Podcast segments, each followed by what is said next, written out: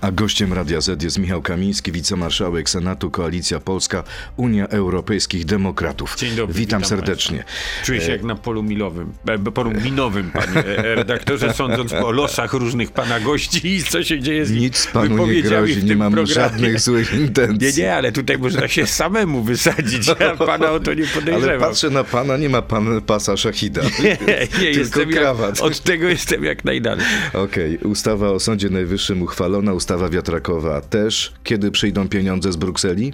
Ja mam mm, takie poczucie, że one niestety prędko do Polski nie przyjdą, z uwagi na to, że e, rząd Prawa i Sprawiedliwości e, jest jeszcze daleki od wypełnienia wszystkich e, kamieni milowych. Natomiast ja mogę powiedzieć w sprawie ustawy o Sądzie Najwyższym, no nie, a nie mówiłem. Ja apelowałem do moich przyjaciół z opozycji, byśmy nie dawali się wpuścić w pułapkę Prawo i Sprawiedliwości i mamy dzisiaj niekonstytucyjną ustawę o Sądzie Najwyższym. Wszystkie poprawki Senatu przecież co przewidywałem, zostały odrzucone. No a Prawo i Sprawiedliwość ma trochę fejkowy, ale jednak argument dzięki głosowaniu opozycji, by mówić, że te pieniądze przyjdą. Jak dzisiaj opozycja zaczyna mówić, że te pieniądze nie przyjdą, no to każdy zada pytanie, to dlaczego żeście pomogli PiSowi przegłosować niekonstytucyjną ustawę? Donald Tusk popełnił błąd? Ja myślę, że no, sformułowanie, w którym Donald Tusk powiedział, zapowiadając poparcie Platformy dla tego, czy w zasadzie umożliwienie, powiedział Bogu dziękujcie za taką opozycję, no powiedział prawdę. Za opozycję, która pomaga rządowi przetrwać w sytuacji, w której ten rząd jest skrajnie podzielony w najważniejszej dla Polski sprawie, jest sytuacją, za którą rzeczywiście trzeba Bogu dziękować. Ja bym chciał, żeby PiS miał opozycję, której się będzie bał, a nie za którą będzie dziękował Bogu, bo zresztą nie Bogu dziękuję, tylko Rydzykowi. Czy sądzi, pan, czy sądzi pan, że Donald Tusk y, tą decyzją utorował PiSowi e, drogę do trzeciej kadencji? Nie, nie sądzę. Znaczy jest jeszcze naprawdę daleko i ja myślę, że e, Donald Tusk jest za e, dobrym politykiem i za doświadczonym politykiem, e, by także nie wyciągać wniosków z tego, co się dzieje. Myśli pan, że on już wie, że popełnił błąd? No przecież wczorajsze głosowanie, panie redaktorze, no wyraźnie pokazuje. Prawo i Sprawiedliwość ma dzisiaj argument dla Polaków, że rzekomo da im pieniądze, no bo opozycja to poparła. Ma ustawę, jaką chciało.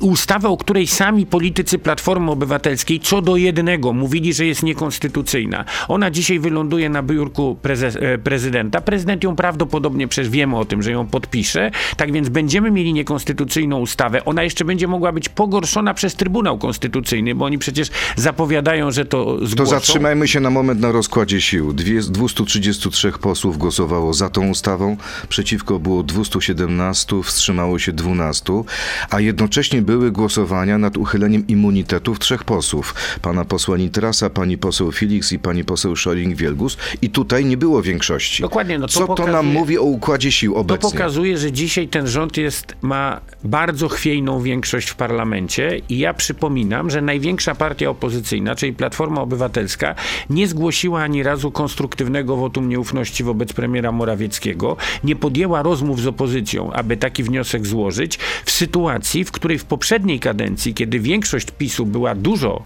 bardziej solidna, chyba czterokrotnie albo trzykrotnie taki wniosek składano. Ale czy to nie My... są pańskie mrzonki, żeby można było ale w tym układzie obalić rząd PiSu? Ale myśmy nawet nie spróbowali, a przecież taka próba by nic nie kosztowała. Sytuacja, w której cały czas Donald Tusk i słusznie apeluje o jedność, prawda, przy czym reaguje nerwowo, kiedy inni się jednoczą, natomiast kiedy apeluje o jedność, no nie było lepszego momentu, by pokazać jedność opozycji, składając wniosek o konstruktywne wotum nieufności. Nawet gdyby ten wniosek nie, prze, e, nie przeszedł, to by nie przeszedł bardzo niewielką liczbą głosów, a opozycja miałaby za sobą ważny krok pokazanie, że chce i umie rządzić. Rozumiem, że na taki wniosek dzisiaj już jest za późno? Panie redaktorze, no dzisiaj już po tym ba, był bardzo poważny argument, dla którego opozycja mogła zmieniać ten rząd. To był brak większości dla ustawy o Sądzie Najwyższym. Ten rząd nie miał dla, tego, dla tej ustawy większości. Jeszcze wczoraj Zbigniew Ziobro, który od początku zapowiedział, że będzie głosował przeciwko poprawkom Senatu,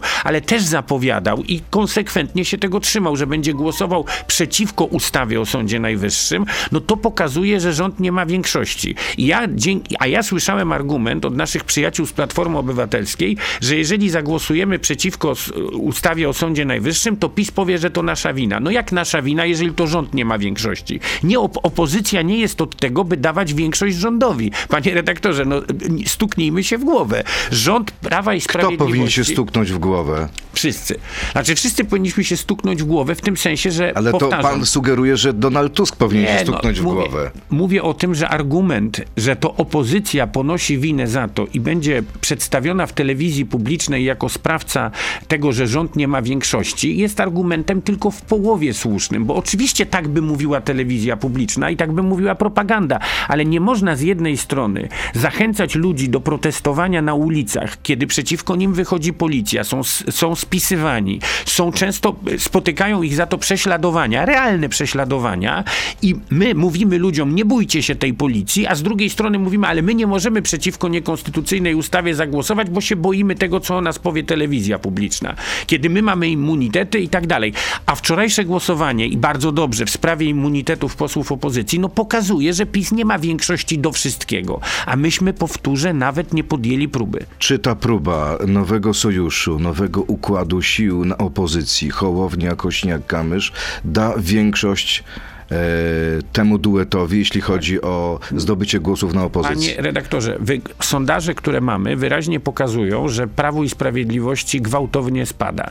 Ten sondaż wczorajszy pokazuje, że Prawo i Sprawiedliwość ma dzisiaj 16% mniej niż wzięło w wyborach w roku 19. Ale przyzna pan, że to jest jedyny sondaż, który daje w tej chwili zwycięstwo Koalicji Obywatelskiej. tak, to jest jedyny Reszta sondaż- pokazuje je- jednak, że jednak PiS Okej. ma 34-35. Dokładnie, no PiSowi wzrosło trochę właśnie po tym głosowaniu opozycji. Rozumiem, że tendencja Ale jest spadkowa. Jest spadkowa i co do tego, panie redaktorze, trudno się spierać. co w związku z tym? dramatycznie spadło. PiS ma dzisiaj dużo mniej poparcia, nie kłóćmy się o cyferki, niż miał w wyborach. Kto jest I beneficjentem również- spadku? I również widzimy, że beneficjentem nie jest Koalicja Obywatelska, bo Koalicja Obywatelska pod rządami Donalda Tuska w warunkach kryzysu PiSu bierze w sondażach tyle, ile wzięła Koalicja Obywatelska pod rządami Grzegorza Schetyny w warunkach wielkiego sukcesu Prawa i Sprawiedliwości. Przypomnę, Prawo i Sprawiedliwość wzięło 44% w wyborach i wtedy Platforma miała 28%. Co to znaczy? Dziś ma 29%. Co to znaczy? Czy to znaczy, że Hołownia i Kośniak-Kamysz są To skazani oznacza- na sukces? To oznacza, że jest przestrzeń dla innej opozycji niż taką, jaką dzisiaj buduje Platforma, skoro Platforma nie potrafi zdyskontować upadku A może Prawa Platforma dzisiaj powinna pójść y, y, śladem Hołowni i Kośniaka-Kamysza i Donald Tusk powinien wystąpić razem na konferencji z Włodzimierzem Czarzastym? Ja myślę, że to jest naturalne. No Donald Tusk, i ja się z tym zgadzam, apeluje o porozumienie po stronie opozycyjnej. I tak, lewica się reintegruje. Słyszymy o tym, że ci, którzy odchodzili od lewicy, wracają do nich z jednej strony. Z drugiej strony dogaduje się ko- Kosiniak z Hołownią. No to to jest chyba tylko dobra wiadomość, że dwie partie opozycyjne, różne partie opozycyjne się ze sobą dogadują.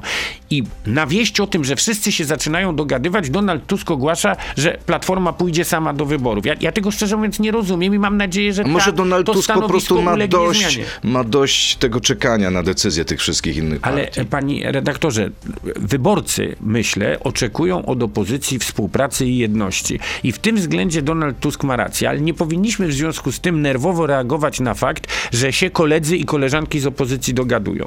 E, Pański były przyjaciel, z którym robiliście niejedną kampanię, Adam Bielan, mówi, że to Donald Tusk rozpoczął proces anihilacji Hołowni i w Polsce nie ma polityka równie skutecznego w niszczeniu konkurencji. Ma rację? Nie, myślę, że najbardziej skuteczny w niszczeniu konkurencji jest e, Jarosław Kaczyński, co do, doskonale udowadniał, a także myślę, że pan, którego pan przed chwilą wspomniał, bardzo mu w tym pomagał. Ja nie sądzę, żeby Donald Tusk miał dzisiaj siłę, by kogokolwiek anihilować, bo powtórzę, Donald Tusk ma dzisiaj 59-55% nieufności.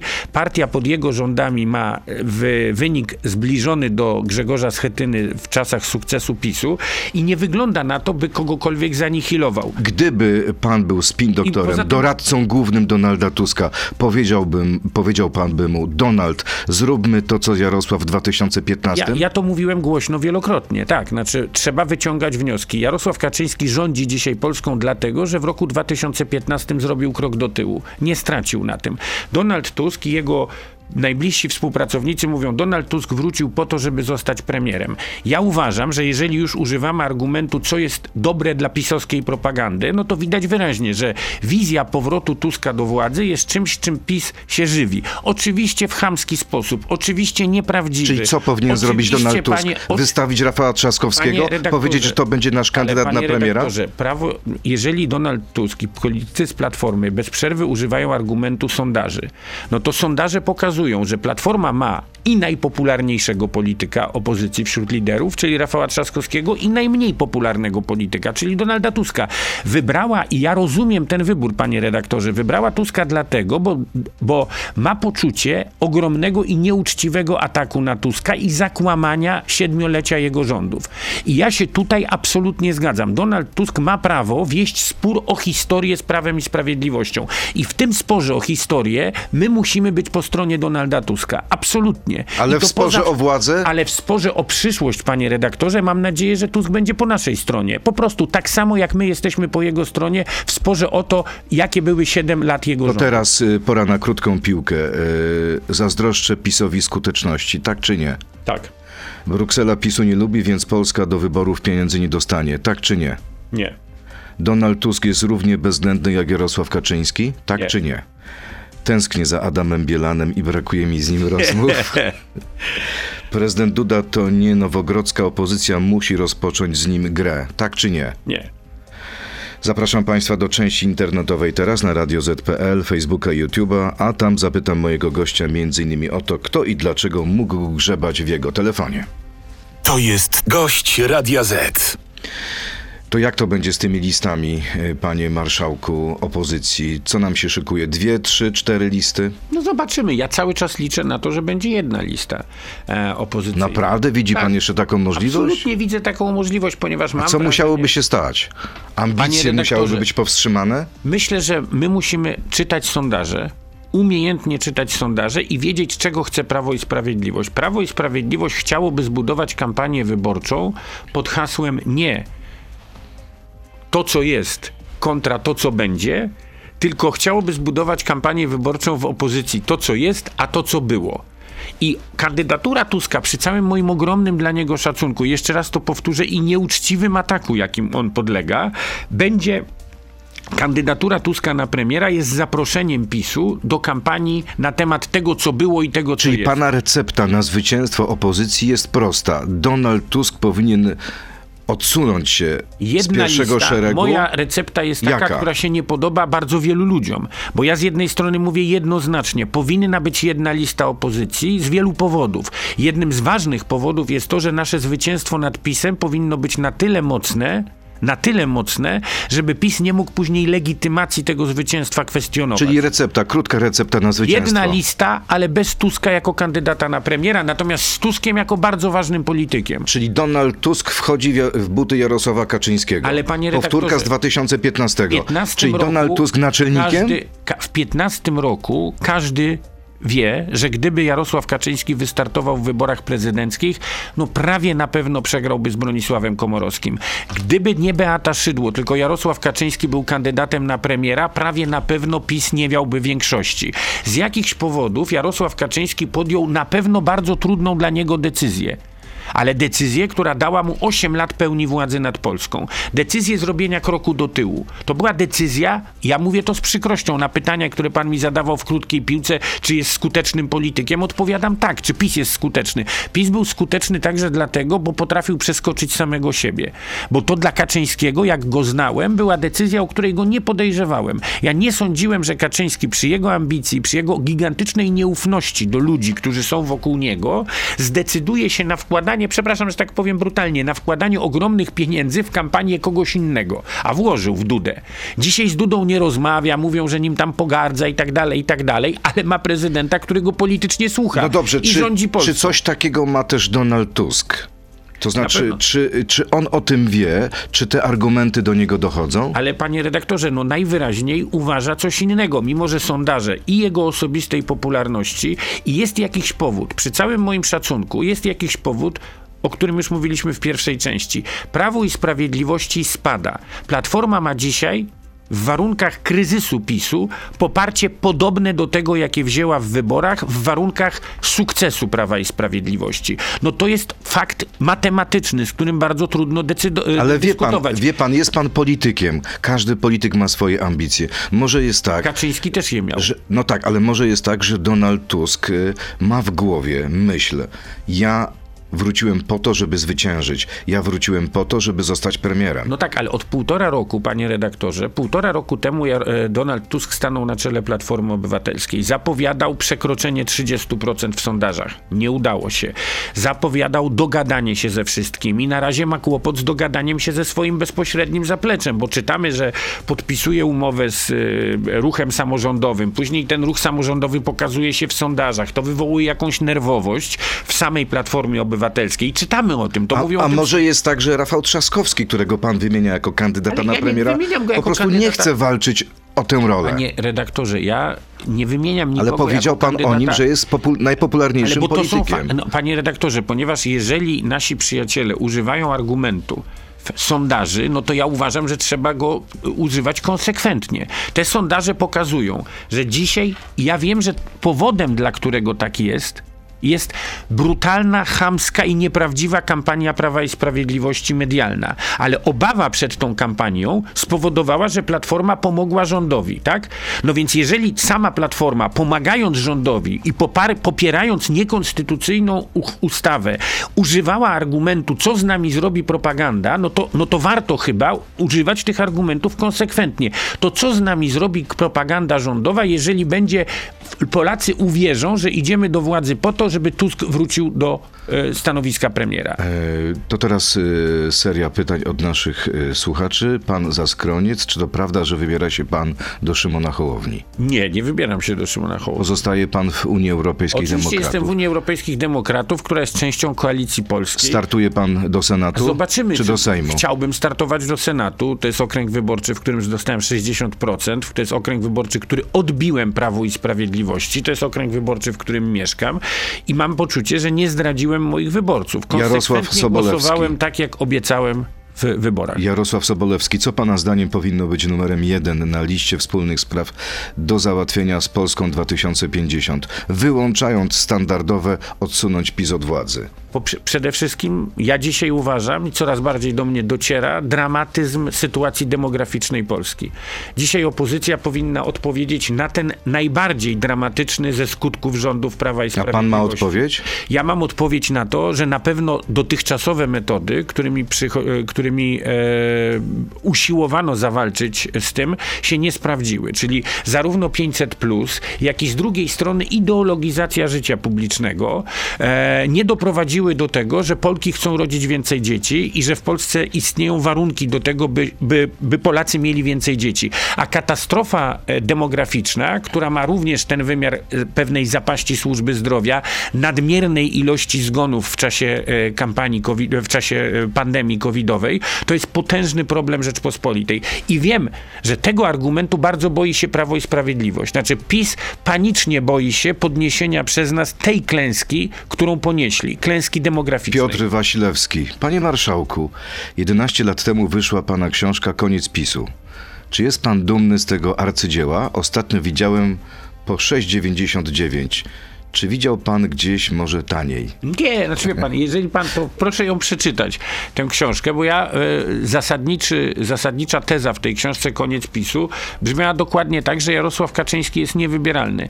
Jarosław Kaczyński, ja ją pisałem przed rokiem 15, czy w zasadzie udzielałem tego wywiadu Czyli przed rokiem Jarosław Kaczyński przeczytał tę książkę ale i postawił bo o tym na, powiedział. na dudę i szydło. O tym powiedział, że ją przeczytał, więc tutaj tu mamy Okej. pewność. Natomiast e, i powiedział, że ona jest w połowie prawdziwa, w połowie fałszywa, więc i tak... No, czyli dobra całkiem, recenzja. Całkiem niezłą recenzję, ale jeżeli się wczytamy w to, co ja tam mówiłem, no tytuł nadała redakcja, ale już się za moją zgodą i ja za niego ponoszę odpowiedzialność i jakby się nie wycofuję z tego. Natomiast warto, warto przeczytać. To znaczy Jarosław Kaczyński w roku 15, jeszcze raz powtórzę, wyciągnął wnioski nie z mojej książki, bo nie, nie będę przecież sobie przypisywał nie, niepotrzebnych zasług, e, ale y, z całą pewnością wyciągnął wnioski z sondaży. Zdawał sobie sprawę, że jeżeli stanąłby na czele Prawa i Sprawiedliwości w roku 15, PiS nie wygrałby wyborów. Po prostu. Kolejne pytanie, dwa pytania, y, również Piotr Waślewski i jeszcze pytanie Sebastiana. Czy potrafi pan wymienić wszystkie partie, których był pan członkiem i które pan reprezentował? I pan Sebastian, kto jest większym skoczkiem? Adam Małysz, Kamil Stoch czy Michał Kamiński? tak, to jest bardzo częsty argument, który się wobec mnie wykorzystuje wtedy, kiedy się nie można ze mną e, polemizować. Ja chcę powiedzieć takie, ja tak naprawdę byłem w trzech partiach politycznych. W ZHN-ie, z którego mnie wyrzucono, w Prawie i Sprawiedliwości 11 lat, w Prawie i Sprawiedliwości 11 lat, z którego mnie wypchnięto i Platforma Obywatelska, z której mnie też wyrzucono. To prawda, że ja nie pasowałem do bardzo wielu partii politycznych i jestem politykiem z uwagi na to, że jestem krnąbrny i mam własne zdanie, który nie pasuje bardzo często do takich wodzowskich partii politycznych, jak w Polsce Czyli funkcjonują. pan nie toleruje, nie wiem, kastrowania własnych myśli? Tak, dokładnie. I pan o tym wie, bo pan ze mną rozmawia też jako dziennikarz od wielu lat. I pan wie, że byłem problemem dla każdej partii politycznej, w której byłem, właśnie dlatego, że mówiłem to, co myślę. Ma I pan zawsze- niewyparzony język. Mam i niewyparzony język, ale także mam poglądy polityczne, które oczywiście ewoluują i się zmieniają, ale chcę panu powiedzieć tak. Andrzej Duda, dzisiejszy prezydent, zaczynał w Unii Demokratycznej czy w Unii Wolności. Dzisiaj jest, no, był wybrany z Prawa i Sprawiedliwości. Donald Tusk był w, e, Unii, w ko- Kongresie Liberalno-Demokratycznym, Unii Wolności. Rozbił Unię Wolności Donald Tusk, jak przegrał wybory z Geremkiem, prawda? E, e, no, tak naprawdę można powiedzieć, że naj, najtrwalsi, jeśli chodzi o swoją obecność, to są politycy lewicy i PSL-u, bo oni najczęściej są w tej samej partii od 30 lat. I ja nie czynię z tego ani zarzutu, ale chcę, żebyśmy patrzyli na wielu polityków. Jasne. dokładnie tak, jak są, bo te, te skróty typu AWS, AWS był partią, nie był partią, w której ja byłem, tylko był koalicją, w której była moja Jasne. partia. Ostatnie jest- pytanie od naszego słuchacza, Grzegorz Jankowski. Ja dorzucę się do krótkiej piłki. Czy rozmawia pan, albo ma pan kontakt obecnie z Jarosławem Kaczyńskim? Nie, nie mam. Nie Czy, mam czy mijając się gdzieś na korytarzach sejmowych, udają panowie, że się nie znają? Nie, ja, znaczy, ja akurat nie miałem okazji, nie, nie spotkałem Jarosława Kaczyńskiego fizycznie w ostatnim czasie, ale przecież ja jestem człowiekiem, jak mnie mam kulturalnym, to znaczy ja na pewno bym się z nim grzecznie przywitał, gdybym miał taką możliwość. Czyli podałby pan dzisiaj rękę Jarosławowi ja, Kaczyńskiemu? ja każdemu podaję rękę, z którym się w te, takim sensie... A gdyby no, dzisiaj zadzwonił do pana Adam Bielan i Ale- powiedział, Michał, przyjdź do nas, Nie, nie, no pan- szanujemy twoją wolność, ale pomóż nam w wyborach. Pan wie, bo to co by pan pisano. powiedział? Pan wie, bo o tym pisano. Wtedy, kiedy Adam Bielan wracał do Prawa i Sprawiedliwości, to przecież i mi takie propozycje składano, a nawet śmiem twierdzić, że składano je w bardzo taki, powiedział, no, spektakularny nawet sposób. I ja się na to nie zgodziłem, ponieważ powody, dla których odszedłem z Prawa i Sprawiedliwości, e, były powodami głębokimi. I dzisiaj ja myślę, że każdy miesiąc i każdy tydzień rządów tej partii pokazuje, że te 13 lat temu, kiedy odchodziłem z Prawa i Sprawiedliwości, to ja miałem rację. Mówiąc, że to jest partia, która będzie prowadziła Polskę w złą stronę, bo w jakimś sensie można powiedzieć tak, pokaż mi jak rządzisz partią, to ja ci powiem, jak będziesz rządził Polską. I to się bardzo sprawdziło. Jak tam pański telefon? Czy nadal z nim dzieje się coś Ja, dziwnego? tak, znaczy działo się coś dziwnego. Ja musiałem o tym napisać, choćby dlatego, że w tym samym czasie też, panie redaktorze, pojawiły się na Facebooku moje zdjęcia e, z rzekomą reklamą jakiegoś środku na cukrzycę. Tak? Jest nadużywany mój wizerunek. Próbowano zhakować mój, e, mój Facebook i to był skutek, to co się działo z moim telefonem. Ja po prostu wpadłem na, na ten moment, kiedy mi hakowano Facebooka.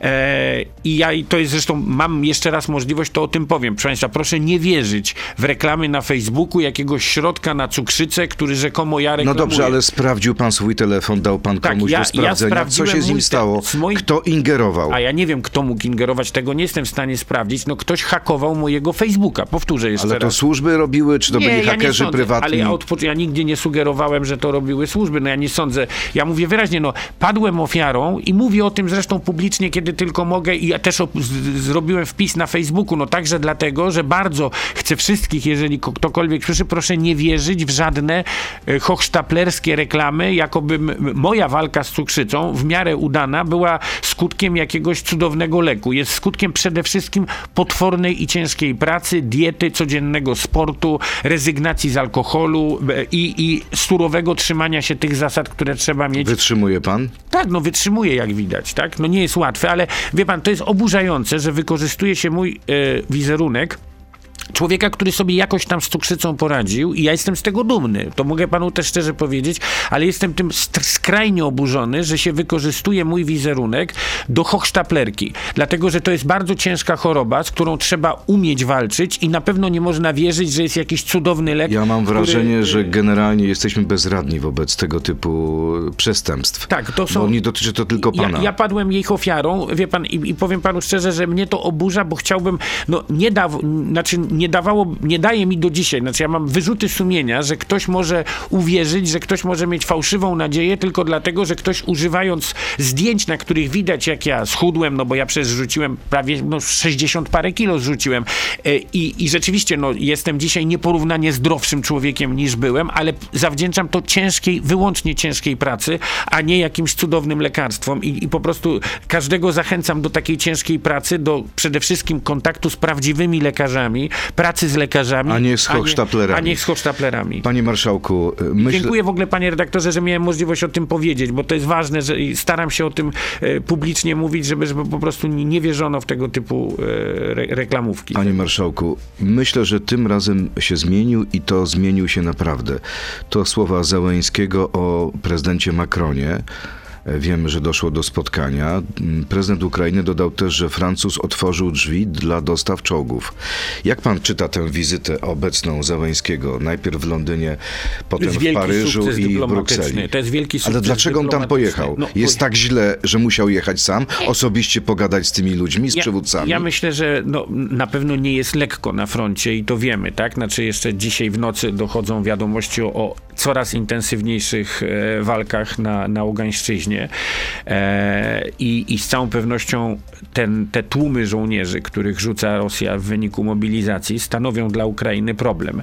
Nie ma co popadać w panikę i ja nie sądzę, żeby wy, wyjazd Zełęńskiego był elementem paniki. Jest po prostu elementem skutecznej ukraińskiej dyplomacji w tym względzie i przekonywania Zachodu. Ja myślę, że to jest mądry krok, że Zełęński wykorzystuje także swoją osobistą popularność i pewną fakt, że stał się jakąś ikoną medialną dla wielu ludzi na Zachodzie, że bardzo trudno, jest dzisiaj bohaterem dla tych ludzi i bardzo trudno jest z nim w związku z tym polemizować. I myślę, że ten wstrząs sumieniem Zachodu, jak, jakim coraz bardziej jest wojna na Ukrainie i ta ewolucja Zachodu w dobrą stronę, ewidentnie w dobrą stronę, mm, jest czymś, z czego powinniśmy się cieszyć. I tutaj zresztą przy całym krytycyzmie do polskiego rządu, ja też zawsze podkreślam, że my winniśmy w tej jednej sprawie, no nie tylko w tej jednej sprawie, ale w tej sprawie przede wszystkim okazywać absolutną jedność i solidarność z polskim rządem, z polskim prezydentem, właśnie w tym obszarze e, współpracy z, Czyli tutaj z Ukrainą. Y, myśli pan, że jakieś błędy zostały popełnione? Co by pan inaczej zrobił, gdyby pan był na miejscu prezydenta Dudy